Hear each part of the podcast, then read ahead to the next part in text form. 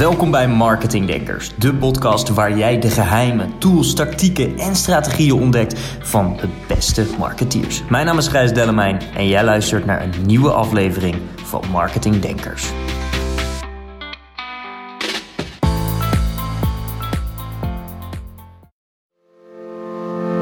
Welkom bij Marketing Denkers, de podcast waar jij de geheimen, tools, tactieken en strategieën ontdekt van de beste marketeers. Mijn naam is Gijs Dellemijn en jij luistert naar een nieuwe aflevering van Marketing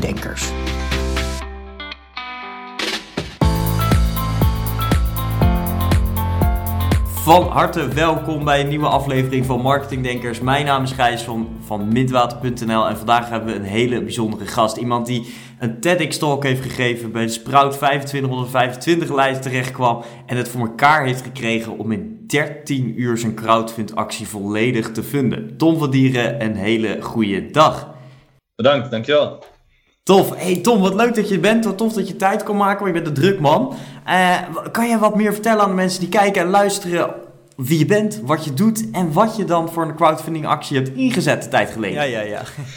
Uh, ja, dat is alweer een poosje geleden. Um, ik zit nu in het vierde jaar van mijn opleiding. In het eerste jaar van mijn opleiding Small Business Retail Management kreeg ik het idee om uh, een zwembroek te ontwikkelen die van kleur kon veranderen. Uh, waarom ik erbij kwam, ja, ik wilde het eigenlijk gewoon heel graag hebben. Het bestond niet. En toen dacht ik van, nou, dan ga ik het zelf maken. Um, toen ben ik het product uh, gaan ontwikkelen. Uh, eerst ga je kijken van, oké, wat zorgt er dan voor die kleurverandering? En zou ik het zelf kunnen maken? Toen kwam ik op een gegeven moment uit op Hot Wheels auto's die van kleur konden veranderen op basis van water. nou, toen heb ik dat ja, spul zeg maar, uit de Hot Wheels auto gepakt, op zwembroeken toegevoegd. Ja, en zodoende is eigenlijk de eerste zwembroek ontstaan. Wat tof, wat gaaf. En, en toen had je dat, de eerste zwembroek gemaakt. Toen dacht je, goh, dit is wel iets. Ik moet, het, ik moet hier een beetje centjes voor hebben om het te gaan uh, ontwikkelen natuurlijk. Hoe heb je dat aangepakt? Ja, ja want ik, uh, ik werkte toen nog uh, bij de Plus als vakkenvuller. En ik denk dat de mensen die dat doen of hebben gedaan ook wel snappen dat het niet echt een, een goudmijn is, zeg maar. um, kijk, ik moest best wel veel dingen al betalen, zeg maar. Weet je, alle, alle, alle stofjes, alle onderzoekjes. Ik deed heel veel zelf, maar het kost allemaal wel geld. dus eigenlijk toen ik de stof uh, uh, ja, daar was dat het ontwikkeld was, had ik eigenlijk uh, geen geld meer om, om ook daadwerkelijk zwembroeken te produceren, zeg maar. of in ieder geval ook samples had ik ook niet kunnen maken. Dus toen ben ik naar mijn oma gegaan met een aantal meter stof wat ik had gemaakt. En mijn oma had de eerste vier zwembroeken in elkaar gezet. En met die zwembroeken ben ik toen gaan crowdfunden. Dat was een overweging. Ik kon natuurlijk ook geld gaan lenen bij een bank om de productie te betalen. Maar het risico is dat. Kijk, het, ik had nooit een onderzoek gedaan of zo. Ik nooit echt onderzocht of mensen er echt op zaten te wachten. Er waren een hoop mensen die zeiden van, nou, ik zou het wel kopen. Maar ja, om dan gelijk 9, 700 zwembroeken te maken uh, en dan maar hopen dat ze gaan verkopen, dat vond ik iets veel uh, risico. Uh, dus toen ben ik gaan kijken naar manieren om dan toch op een andere manier het geld bij elkaar te halen. En voor mij was een hele mooie manier was crowdfunden. je verkoopt je product, je bouwt merksbekendheid op. Je is gelijk een validatie van je idee. Um, en ja, als het verkoopt, is er dus vraag naar. Als het niet verkoopt, uh, is er geen vraag naar. Dus dat is een hele mooie manier om eigenlijk met je bedrijf te starten. En dus je had eigenlijk zoiets, voor mij is dit de ultieme test om te kijken of überhaupt mensen net zo, net zo gek zijn als ik om, om inderdaad de vakleurveranders ja, ja. te kopen. Ja, aan de ene kant was het uh, wel een test, maar aan de andere kant, kijk, ik denk dat heel veel mensen dat ook wel een beetje herkennen. Kijk, op een gegeven moment je gelooft gewoon in iets. En voor mij bestond voor mij niet dat mensen dit niet tof zouden vinden. Um, dat is natuurlijk ook een aanname. Maar uh, ja, ik, ja, ik dacht gewoon, dit, dit wordt gewoon een ontzettend groot succes. Uh, omdat je er gewoon in gelooft. Je bent jong, je bent... Uh, ja, weet je, hoe je, hoe oud was je toen je dit ging doen? Toen was ik 18. Tof, 18 jaar. Echt bizar. Wat gaaf, man. En, en nu heb je dus echt zoiets... dus je, je oma zei, hè? Je oma had ze eerst in elkaar gezet. Heb je ja. oma aandelen gegeven? nee, wel een dikke knuffel. Um, ja, ik ben nog steeds mijn oma heel erg dankbaar dat ze heeft geholpen in het begin. Uh, ook ontzettend leuk uh, uh, om het gewoon samen met, ja, met je oma te doen. Mijn opa heeft er ook nog geholpen. Want in een zwembroek zitten van die ringetjes waar de touwtjes doorheen gaan. En aan het eind zitten van die ijzeren puntjes. Dus mijn opa ging met zijn hamer ging die in de schuren in elkaar slaan. Of er, erin slaan. En uh, ja, super vet. Dus uh, ik ben ze nog steeds heel erg dankbaar. Ik zet oma niet meer aan het werk. Want ja, nu zijn het wel zoveel zwemboeken dat mijn oma dat ook niet meer bijhoudt. Dus dat is nu gewoon ja, uitbesteed aan een, aan een bedrijf. Ja, en want toen had je vier zwembroeken. En wat was, wat was dan de volgende stap? Want toen had je besloten, ik ga een crowdfund, crowdfund actie doen. Had je vier zwembroeken, dus je had wat materiaal om te laten zien. Hoe heb je toen aangepakt? Wat was jouw volgende stap? Ja, eerst ben ik met die uh, zwembroeken ben ik dus eigenlijk... Uh, ja, eigenlijk ben ik alles gaan voorbereiden voor die crowdfund actie. Dus ik had vier zwembroeken, meer had ik niet. Dus ga je kijken, oké, wat, hoe kan ik voor productie zorgen? Wat kost productie? Ik moet content hebben, ik moet een website hebben, ik moet een naam hebben. Uh, ik moet zorgen als ik een crowdfund dat, uh, dat het verkocht wordt. Dus dat was een heel traject om er naartoe te werken. Nou, het kost ongeveer zes maanden heb ik er tijd in gestoken. en ook, ik moest ook content komen. Dus met die zwembroeken ben ik met mijn vader naar Gran Canaria gegaan. mijn vader is totaal geen fotograaf, hij is monteur. Maar hij ging gewoon in, hadden hem de camera geleend, ging, ging hij in het zand liggen en ik in mijn zwembroek rondlopen om die foto's te maken. dus toen hadden we foto's, hadden we video's, dus eigenlijk voor de, voor de Kickstarter campagne. Uh, op een gegeven moment was de productie ook rond. Gewoon met heel veel mensen praten en zoeken naar de juiste mensen. Ja, was dat dus ook gelukt. En wat mij toen heel erg heeft geholpen is van gewoon een punt zetten. Gewoon op de horizon van oké, okay, een datum. Op die dag wil ik gewoon live gaan. En dan, dan heb je er maar voor te zorgen dat alles tegen die tijd rond is. Um, ja, dan heb je gewoon een concreet doel, zeg maar. Dat helpt gewoon heel erg om, uh, om ja, eraan te werken, zeg maar. En, en je hebt dus eigenlijk alles een beetje zelf gedaan. Dus met, met je familie om je heen heb je dus gezorgd voor de content ook. Wat was verder voor jou in, in marketing heel belangrijk in aanloop? Want nadat die, die Kickstarter was begonnen, werd het natuurlijk heel snel opgepikt. En wat heb je, wat heb je in, die, in die tussentijd nog meer aan, voor, aan het voortraject aan marketing gedaan? Want je bent, daar heb je goed over nagedacht. Want in 13 uur je volledige doel bereiken, dat is iets waar veel mensen van dromen op het moment dat ze inderdaad een crowdfund actie starten. Wat heb je daarin gedaan precies? Um, kijk, ik wist helemaal niks. Kijk, ik was in mijn eerste jaar van mijn opleiding. Uh, ik heb ouders die gewoon, uh, mijn moeder is, uh, werkt in de zorg, mijn vader is monteur. Dus toen niet dat zij alle kennis hadden of dat zij bakken met geld hadden van Tom. Nou weet je, voer het maar uit, wij betalen het wel. Dus ik moest gewoon echt zelf op zoek gaan naar kennis en mensen, zeg maar. Dus wat ik had gedaan, is gewoon gaan zoeken naar crowdfund campagnes in Nederland die het gewoon heel goed hadden gedaan, waar ik weer van kon leren. Dus ik heb bijvoorbeeld met, met Horizon gezeten en met Labfresh gezeten. Uh, en gewoon gepraat en gevraagd wat zij hebben, hebben gedaan en wat goed werkt, wat niet goed werkt. En een aantal dingen die zij zeiden, schrok ik in het begin een beetje van, was van ja, als je een goede campagne wil starten, moet je binnen, eigenlijk binnen 24 uur gewoon je bedrag opgehaald hebben. Dan heb je een hype gecreëerd um, en als je dan pas de helft ophaalt, is de kans heel groot dat je niet gaat halen. Dus toen dacht ik van oké, in plaats van 30 dagen, die 15.000 euro die ik nodig had, moet het in één keer in 24 uur. Dat was best wel een, een hoge lat, zeg maar. Um, en wat ze gewoon heel erg zeiden is van je moet zorgen dat er gewoon op het moment dat je live gaat, dat er gewoon ontzettend veel publiciteit besta- uh, ontstaat. Uh, wat ik toen heb gedaan is bij het schieten, uh, is toen ook nog een video, een deel van een video geschoten in Nederland, gewoon bij een zwembad.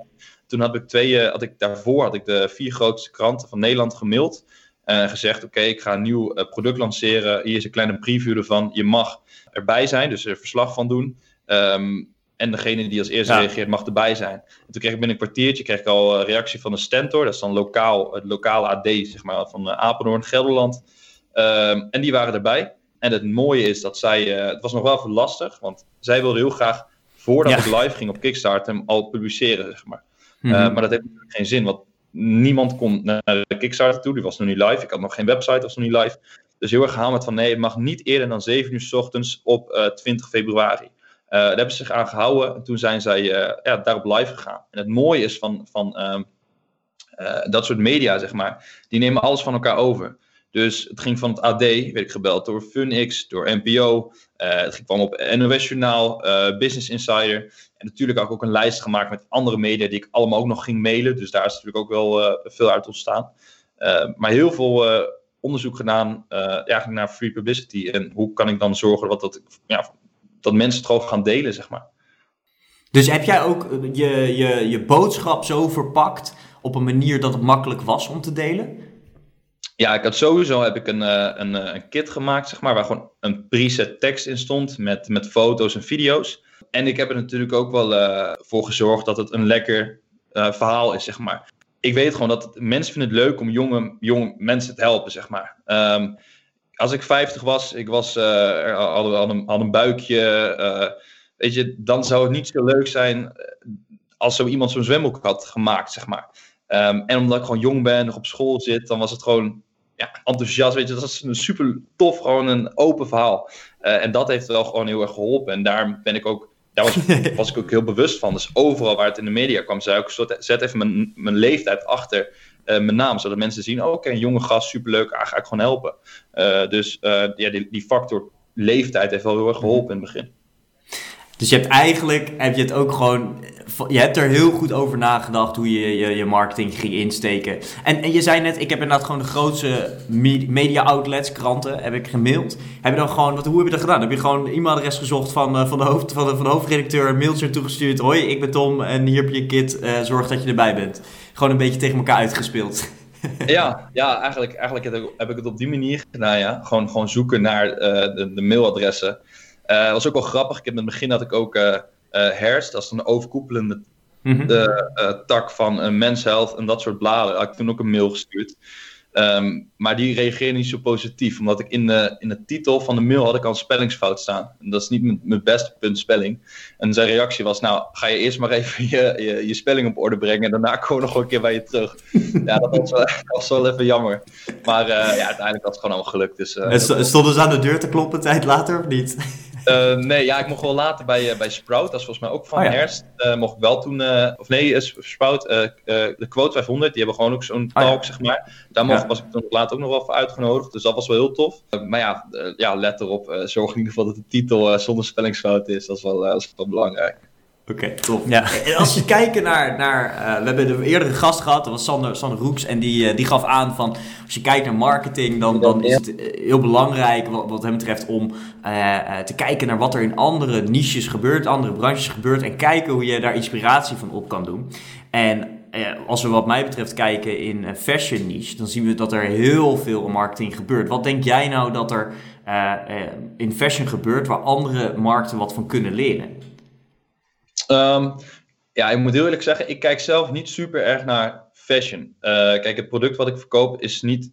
Kijk, wat ik verkoop is niet een zwembroek. Ik verkoop zeg maar beleving. Uh, en dat wil ik ook gewoon uitstralen. Um, dus alle content die wij maken, daar zit ook heel veel beleving in. Het is niet dat wij uh, gewoon een minuut lange video laten zien met een witte achtergrond van hij verandert van kleur.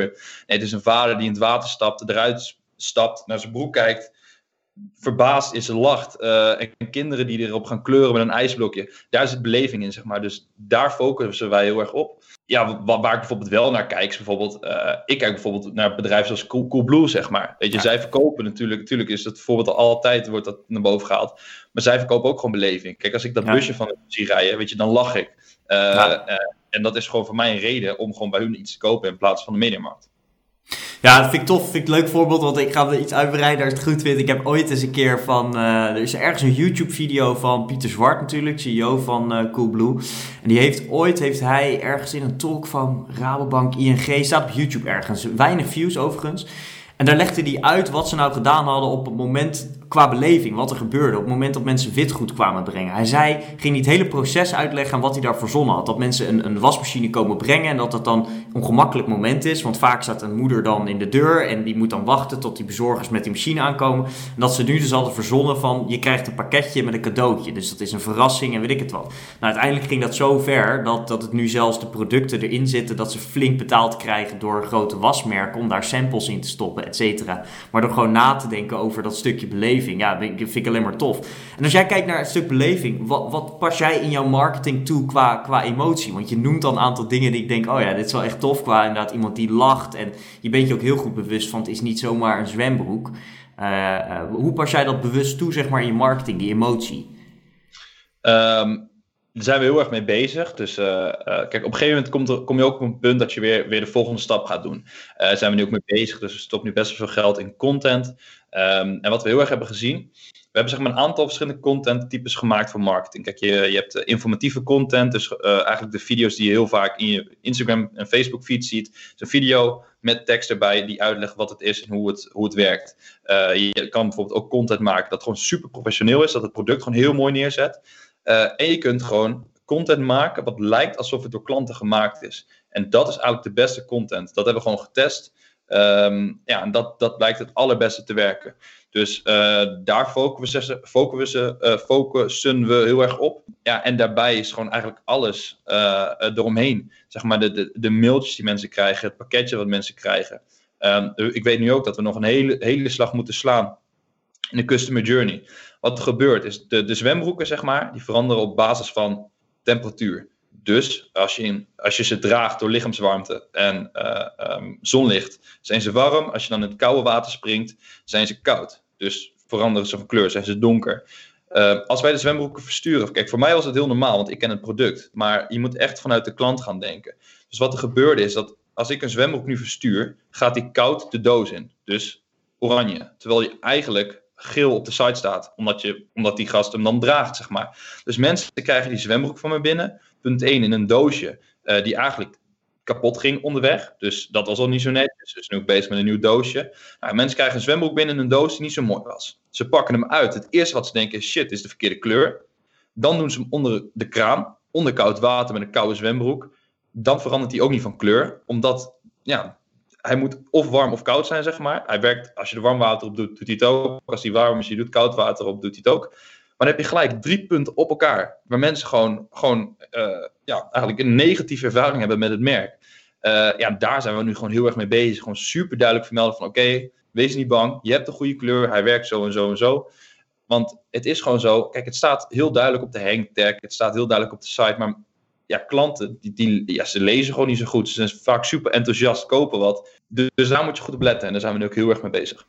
Ja, ja interessant. En, en hoe doe je dat nu? Doe je dat stuk online? Je, je zeg maar je, je uh, customer journey, het laatste stuk, als iemand ontvangen heeft, doe je dan een kaartje erbij? Of krijgen mensen inderdaad nog een e-mailtje met een filmpje? Hey, no worries. Uh, hoe, hoe pakken jullie dat aan? Ja, sowieso zijn we het eh, ook aan het verbeteren op de website. Maar voornamelijk ligt het in het stukje het ontvangen van het pakketje. Kijk, het is toch wel, wij willen gewoon beleving verkopen, zeg maar. Ja. En uh, daarvoor moet alles, eigenlijk gewoon alles gewoon gelikt zijn en super erg kloppen. Uh, dus we zijn nu bezig met een nieuw pakketje. Uh, een verbeterde flyer, dus dat het duidelijk staat van hoe het werkt. Dus dat stukje is voornamelijk eigenlijk offline. maar gewoon goed duidelijk maken hoe en wat het werkt en hoe het is, zeg maar. Um, dus dat is voornamelijk offline. Oké, tof. En je, je triggerde me net door iets uh, te zeggen. En dat is namelijk ook iets uh, wat, wij, uh, wat we bij Mintwater zien. We draaien natuurlijk advertenties voor klanten. En dat jij eigenlijk zegt, de content die lijkt alsof het gemaakt is door klanten. Dus een beetje de, hoe zeg je, de minder gepolished content. Een beetje de content die eruit ziet alsof het met een telefoon geschoten is. Of het misschien zelfs is die converteert vaak beter. Bedoel je dan converteren op verkoopniveau of qua interactie? Veel betrokkenheid op pagina's? Uh, alles eigenlijk. Dus wat wij zien, uh, um, kijk, op een gegeven moment heb je het stukje marketing heb je gewoon helemaal door. Um, dus wat we gewoon doen is verschillende video's um, laten zien aan een bepaalde doelgroep. Bijvoorbeeld in Australië, waar het dan afgelopen maanden mooi weer was. en dan ga je kijken, oké, wat gebeurt er met deze advertenties? Bijvoorbeeld dan zie je op een gegeven moment dat op de ene advertentie bijvoorbeeld veel meer reactie, reacties komen, meer mensen op de link klikken, meer mensen elkaar taggen, meer likes krijgt. Uh, ja, op basis daarvan kun je wel gewoon goed zeggen wat beter aansluit, zeg maar. Ja, ja, tof. Want ja, ik vind het een mooi verhaal. Het is precies nou ook hetgeen wat wij zien voor, voor klanten op het moment dat we ads draaien die heel erg gelikt eruit zien. Vaak toch iets minder converteren dan dat mensen inderdaad zelf content maken. Of we hebben ook uh, voor bijvoorbeeld mensen inderdaad gewoon zeggen, joh, maak eens gewoon een, zelf, een selfie video en zorg dat je die aan je ideale klant laat zien. Die inderdaad dan verrassend goed converteert. Dus dat is tof om te horen. Hey, en als we over advertenties hebben, in jouw uh, crowdfund uh, campagne, in welke mate heb je toen gebruik gemaakt van advertenties? Niks eigenlijk. Uh, het was heel simpel. Ik had gewoon echt geen geld. Eigenlijk mijn allerlaatste centen zaten gewoon in, het, in een campagne. Dus ja, als ik het overnieuw zou doen, zou ik natuurlijk zorgen dat ik geld heb voor advertenties, omdat ik nu weet. Maar ik wist ja. ja toen helemaal niks van marketing, zeg maar. Dus ik ja, liet het gewoon vooral afhangen van ja, de kranten en de media die het over zou nemen. Maar ja, de eerste twee dagen gaat natuurlijk top. Dan is het hartstikke leuk en interessant en relevant.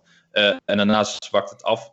Um, dus ja, uh, je ziet ook, zeg maar, het bedrag is gewoon, zeg maar, zo, zo heb ik zeg maar, het bedrag opgehaald. De laatste 28 dagen van de campagne is er bijna niks opgehaald. Uh, en daar is dan gewoon de betaalde marketing voor nodig. Um, dus ja, eigenlijk niks. Ik had geen rode cent. opnieuw zou ik het wel doen met, met marketingbudget. Ja, tof, tof. En je, je hebt eigenlijk vrij snel, uh, is mij nu duidelijk geworden dat je eigen gekeken hebt, goh, ik heb een idee, ik ga dit uitvoeren. Er is geen manier waarop het kan, uh, kan mislukken. Je hebt gewoon een beslissing gemaakt, je bent vervolgens gaan uitvoeren. Maar ook gaan kijken bij partijen die dit al gedaan hebben. Wie is, wie is nou iemand, of welk merk, of welk bedrijf, welk persoon, is nou iemand waarvan jij echt veel leert op uh, marketingvlak, hè, in de breedste zin van het woord?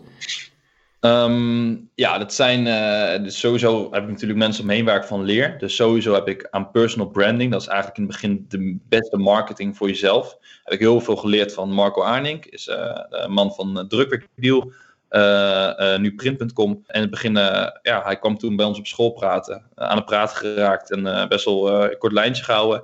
Heb ik heel veel geleerd van hoe kan je jezelf nou goed verkopen. Want kijk, het gaat om gunfactor. Kijk, als mensen op een gegeven moment een, een homogeen product kopen um, en ze moeten kiezen, nou, dan gaat het toch om wie dan het product verkoopt. Als je gewoon goed weet waar je voor staat, wat je wil, wie jij bent, en je hebt gewoon een gunfactor, dan gaat het gewoon top. Dus daar heb ik heel veel van geleerd. Uh, marketing heb ik mezelf heel erg aangeleerd. En gewoon met jongens omheen die gewoon uh, bijvoorbeeld dropshippen. veel van geleerd. En uh, Labfresh heb ik eigenlijk heel veel van geleerd van dus de Kickstarter, zeg maar. En dat is ook een heel mooi voorbeeld. Zij hebben nu al volgens mij vier campagnes super succesvol gedaan. Met misschien volgens mij bij elkaar iets van 2 miljoen euro opgehaald met crowdfunding. Ze doen nu zelfs nieuwe producten lanceren. Op hun eigen site, ook via crowdfunding. Dus ja, zij, zij doen het ook echt heel goed. Tof. En, en, is dat iets, als we naar de toekomst kijken, is dat iets wat jij met Seasons ook wil gaan doen? Dat je zegt, we gaan misschien nog een keer een crowdfund actie gaan doen? Ja, dat zou ik wel heel tof vinden. Um, moet je wel een, een ja, moet je wel, moeten we wel echt een heel goed product hebben. Kijk, we kunnen het gelijk al doen. Kijk, eh, wat het is, kleding, het is een kledingmerk wat door technologie en textiel te koppelen beleving creëert. Dus elk product dat wij gaan brengen, maken, creëren, heeft iets unieks wat je niet ergens anders vindt. Um, er liggen heel veel producten op de plank, maar als we dat nu allemaal gaan laten zien, ja, dan is op een gegeven moment het unieke er vanaf, omdat je geen innovatie meer hebt. Dus uh, het komt eraan, uh, maar het laat nog even op zich wachten. Tof, tof. En je bent natuurlijk ook spreker bij uh, onder andere de jonge sprekers en jij deelt graag je verhaal. En wat is nou een tip die jij jonge ondernemers en marketeers zou willen meegeven? Wat is nou echt iets waarvan jij zoiets hebt, god, denk hier aan? Um, ja, sowieso uh, um, het jonge. Dus als je jong bent, laat het ook blijken. Breng het gewoon duidelijk naar voren. Um, ja, ook ondernemers, ja, als je wil beginnen, begin gewoon gisteren. Het is heel vaak zo van, ja, maar uh, mijn situatie is nog niet ideaal. Ik, moet nog, uh, ik ben net aan het verhuizen. Het zijn allemaal smoesjes. Het is gewoon doen. Het is gewoon heel simpel. Het is gewoon, ondernemen is gewoon doen. Um, en met spreken, ja, hou je verhaal gewoon persoonlijk. Vertel er ook gewoon gekke dingen in. Vertel ook uh, wat mee zat, wat tegen zat. Kijk, mensen vinden een persoonlijk verhaal leuk. Als jij een heel script gaat vertellen, um, zou misschien wel goed converteren. Maar dan denk je, ja, weet je, dat, dat, dat, dat maakt niet uit. Mensen willen gewoon ook lachen, zeg maar. Ze willen een leuk verhaal horen waar ze ook nog wat van op kunnen steken. Dus ja, hou het gewoon heel persoonlijk. En als we inderdaad kijken naar dingen die, uh, die bij jullie toen wat minder zijn gegaan in de opstartfase, wat, wat zou dat dan geweest zijn? Echt in de prille fase?